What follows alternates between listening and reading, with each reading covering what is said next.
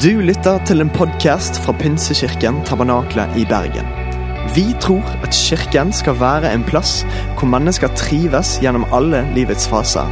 En kirke for hele livet. Ønsker du å bli bedre kjent med oss eller holde deg oppdatert? Besøk vår Facebook-side eller ptb.no. Her er ukens tale. Mitt navn er Hans Martin Skagestad, og jeg er jo veldig privilegert for det at jeg får lov til å jobbe som evangelist i Troens bevis. Og Jeg har jo alltid hatt et problem med dette, fordi at jeg har mye reist og snakka med unge mennesker både i Norge, Skandinavia, i Afrika, Asia. Og det å si at jeg er evangelist, skal jeg være helt ærlig, så føler jeg meg altfor ung til å kalle meg det. For det at mitt bilde av en evangelist det er helst en gammel mann med trekkspill og burde være enda tynnere i håret enn det jeg er. Eh, så jeg pleier å si det at egentlig min jobb er å reise verden rundt og skryte av Jesus. Eh, det syns jeg høres veldig veldig mye bedre ut. Så det er egentlig min jobb, og jeg er veldig privilegert. Har fått lov til å gjøre det nå i eh, i ti år, faktisk. Eh, og jeg er 34 år, jeg er gift og har tre barn. Og eh, som Rune så eh, er det meg og Rune da som reiser mye rundt omkring i Afrika og Asia og får lov til å ha kampanjer og dele evangeliet med de som aldri har hørt. Og jeg kjenner på et, eh, en stor glede å få lov til å gjøre det. Å få lov til å dele evangeliet med mennesker som aldri har hørt. Jeg pleier å si det at mange av de vi treffer, de har jo ikke peiling på hvem Jesus er. De har ikke peiling på noen ting eh, av verken Bibelen eller evangeliet. Og det er ofte sånn så pleier jeg gjerne å, noen ganger å fortelle historien om David og Goliat. Og du vet at Hvis jeg hadde fortalt historien om David og Goliat her, så vet jo alle dere som sitter her, at David vinner til slutt. Men du vet, de jeg forteller til, de har jo ikke peiling. Så de er like spent hver gang når jeg forteller denne. Hvem er det som vinner? Altså, Vi tar det jo som en selvfølge, for vi har hørt den historien tusen ganger.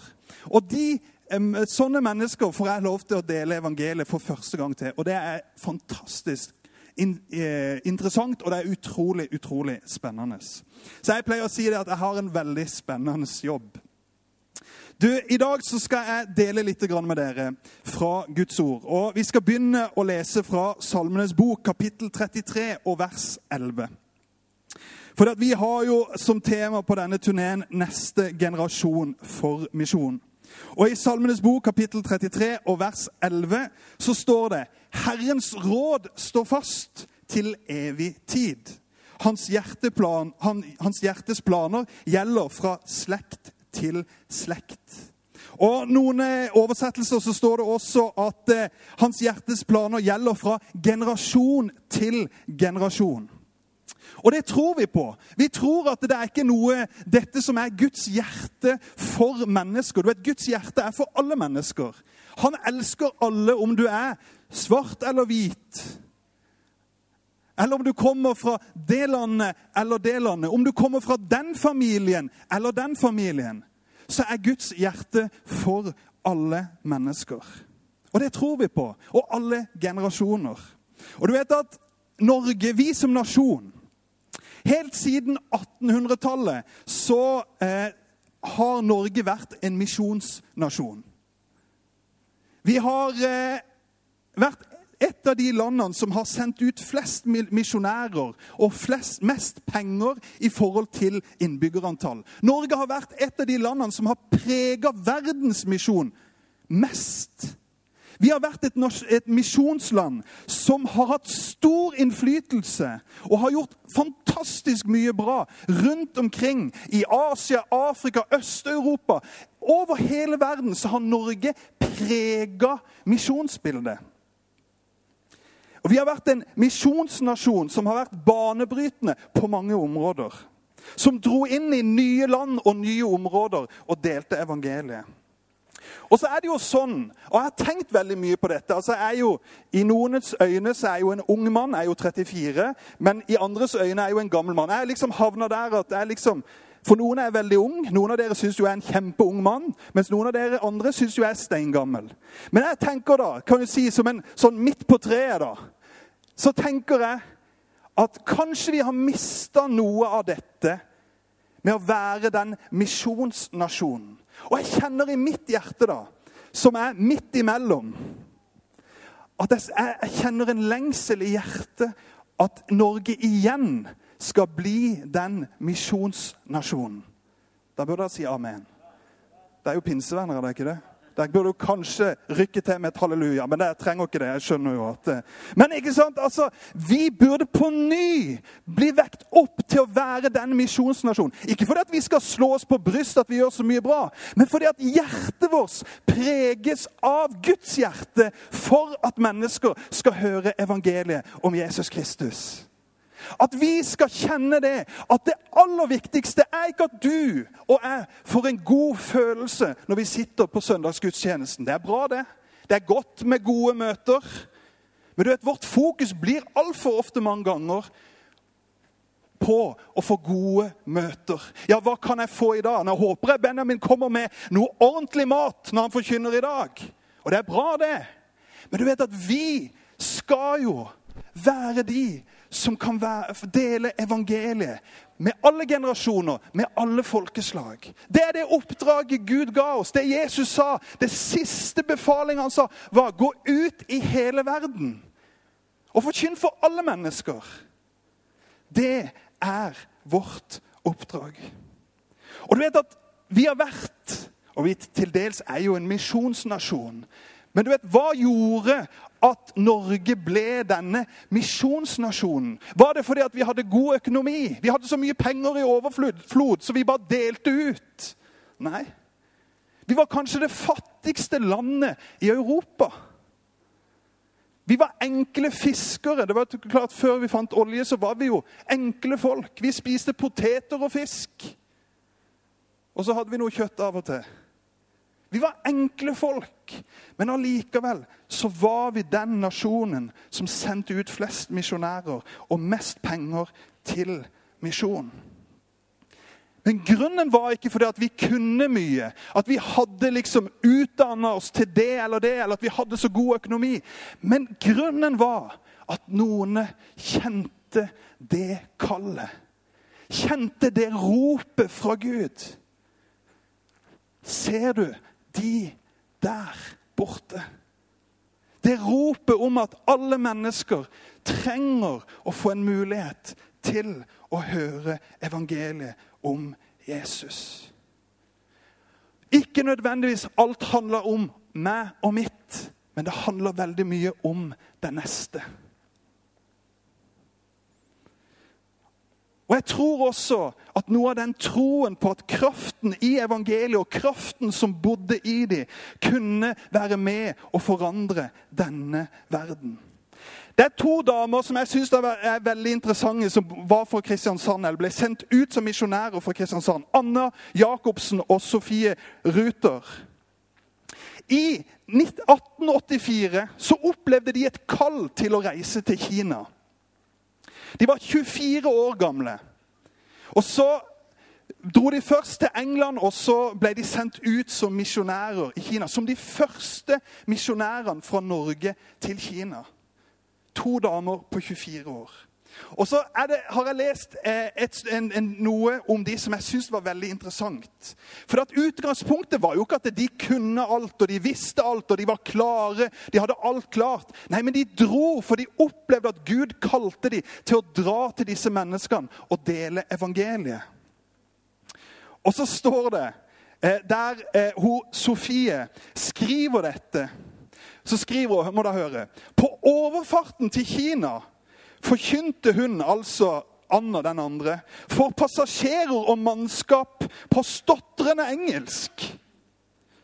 Hennes med, medpassasjer Sofie skriver hun hadde, ikke, hun hadde vel ikke meget å fare med når det gjaldt kunnskaper og veltalenhet, står det. Men hun hadde sin tro, og den var sterk, står det. Fremme i Kina fikk Anna også et annet problem med å lære seg kinesisk. Men det sies å ha gått over da den omvendte kineseren la hånda på hodet hennes og ba om at hun måtte lære språket. Altså, Hun kunne ikke engelsk, hun kunne ikke kinesisk, men hun dro. Så kan vi jo tenke at jeg vil jo kanskje ikke anbefalt mine barn å på en måte bare reise sånn. Jeg skjønner jo det. Men samtidig så hadde de noe. De hadde fått noe. De hadde sett noe som gikk over kunnskap og hva man har i egen kraft. Men de hadde sett at Jesus, han vil være med i alle situasjoner. I alle utfordringer så vil han være der. Og jeg kjenner at noe av den djervheten, noe av den pasjonen for mennesker, trenger å vekkes opp i mitt hjerte. Men det trengs også i ditt hjerte. I alle generasjoner. Om du er ung eller midt imellom eller gammel.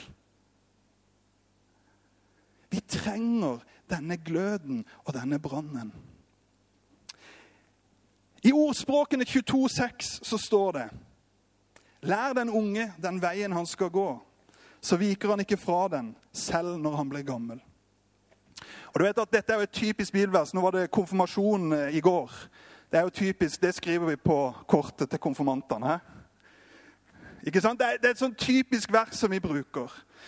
Men du vet at det står ikke så mye, og vi tenker jo ofte at dette verset er liksom for oss foreldre. Nå må vi lære barna våre i den troen, så kanskje de holder fast liksom når de blir gamle. Men du vet at det står ikke nødvendigvis noe om at dette er til, fra foreldre til barn, at nå må foreldrene lære opp. Nei, jeg tror absolutt at det har med oss foreldre å gjøre. Men jeg tror først og fremst så tenker jeg at det handler om å trene og forme den neste generasjonen. De som kommer etter oss. Du vet at jeg har noen unge i mitt liv som jeg trenger å trene og lære den veien de skal gå. For jeg har tenkt på det at det kan jo hende at du eller jeg er den som lærer eller rådgiver og trener opp den generasjonen som kommer til å fullføre dette oppdraget som Jesus sa. Har du tenkt på det? For det har jeg tenkt på veldig mye i det siste. Hva om det er den generasjonen som kommer etter meg, eller meg sjøl, som kommer til å være de som er med på å fullføre dette oppdraget? Vi skal legge til rette for at den neste generasjonen, uansett kall og oppdrag, skal få lov til å gjør det de kan gjøre på best mulig måte. Jeg er, og jeg, jeg, elsker å ha Rune som sjef på akkurat det, for der er Rune veldig god. Det å kunne gi mulighet til oss som kommer etter han, å bli best mulig og nå lengst mulig med evangeliet. Og sånn bør vi alle være. Og så ender det jo ikke på at ja, bare vi gjør det, så blir det sånn. Nei, hver, hvert menneske og hver generasjon må ta sitt eget valg om de ønsker å gå på dette kallet. I Matteus 24, 14 så står det Og dette evangeliet om riket skal bli forkynt i hele verden som et vitnesbyrd for alle folkeslag, og så skal enden komme. Dette er jo et av hvert troens bevis opp gjennom historien. Troens bevis, Et av de bibelversene som vi virkelig har løfta høyt. At vi ønsker at alle folkeslag, alle mennesker, skal få en mulighet til å høre om Jesus. Hvorfor? Jo, for da vil enden komme. En generasjon kommer til å være den siste generasjonen som forkynner evangeliet. Og så vil enden komme. Og jeg tenker at jeg vil gjøre det jeg best kan for at den som generasjonen som kommer etter meg, har de beste mulighetene til å være med og fullføre det oppdraget. Ja, selv om jeg må noen ganger stille meg litt i skyggen, selv om jeg noen ganger står litt i bakgrunnen og noen andre får skinne Og du vet, Hans Martin liker jo ikke det. Jeg vil jo ha all oppmerksomhet. Jeg vil jo at alle skal se på meg. Jeg vil jo at alle skal tenke at Hans Martin han er jo bare helt fantastisk så kan det noen ganger være når det kommer en ung jente på 22 år Jeg var jo den unge lovende. Og så kommer det ei etter meg. Skal hun få oppmerksomheten? Men så kjenner jeg likevel at jeg vil gjøre alt jeg kan for at hun når mye lenger enn meg. Ikke for Hans Martin, men for Guds rikes skyld. For at flest mulig mennesker skal få muligheten til å høre evangeliet om Jesus. Det er mitt og ditt oppdrag. Og du vet ikke om han gutten i ditt klasserom der du er lærer Kanskje. Han som er litt sånn plagsom, følger ikke helt med. Han som er liksom den der irriterende gutten som du egentlig inni deg irriterer deg litt over. Hva om det er han som får et kall og blir reiser til et land og blir den som deler evangeliet med et eller annet folkeslag? Det vet vi aldri. Men det kan hende at det er han. Eller hun i ungdomsarbeidet. Som du investerer masse tid i, og som du føler at du kommer ikke en centimeter med. Plutselig så rører Gud med henne. Så kan hun bli et redskap som når tusenvis av mennesker med evangeliet om Jesus. Eller kanskje de innvandrerne som kommer inn til landet vårt, som vi kjenner litt fremmedfrykt for. De som vi kjenner at Oi, oi, oi, hvem er disse? De har andre religioner og annen tro. Plutselig så får en av de et møte med Jesus. Og så blir de den neste Arild Edvardsen, den neste Reinhard Bunke. Vi og deg har et oppdrag.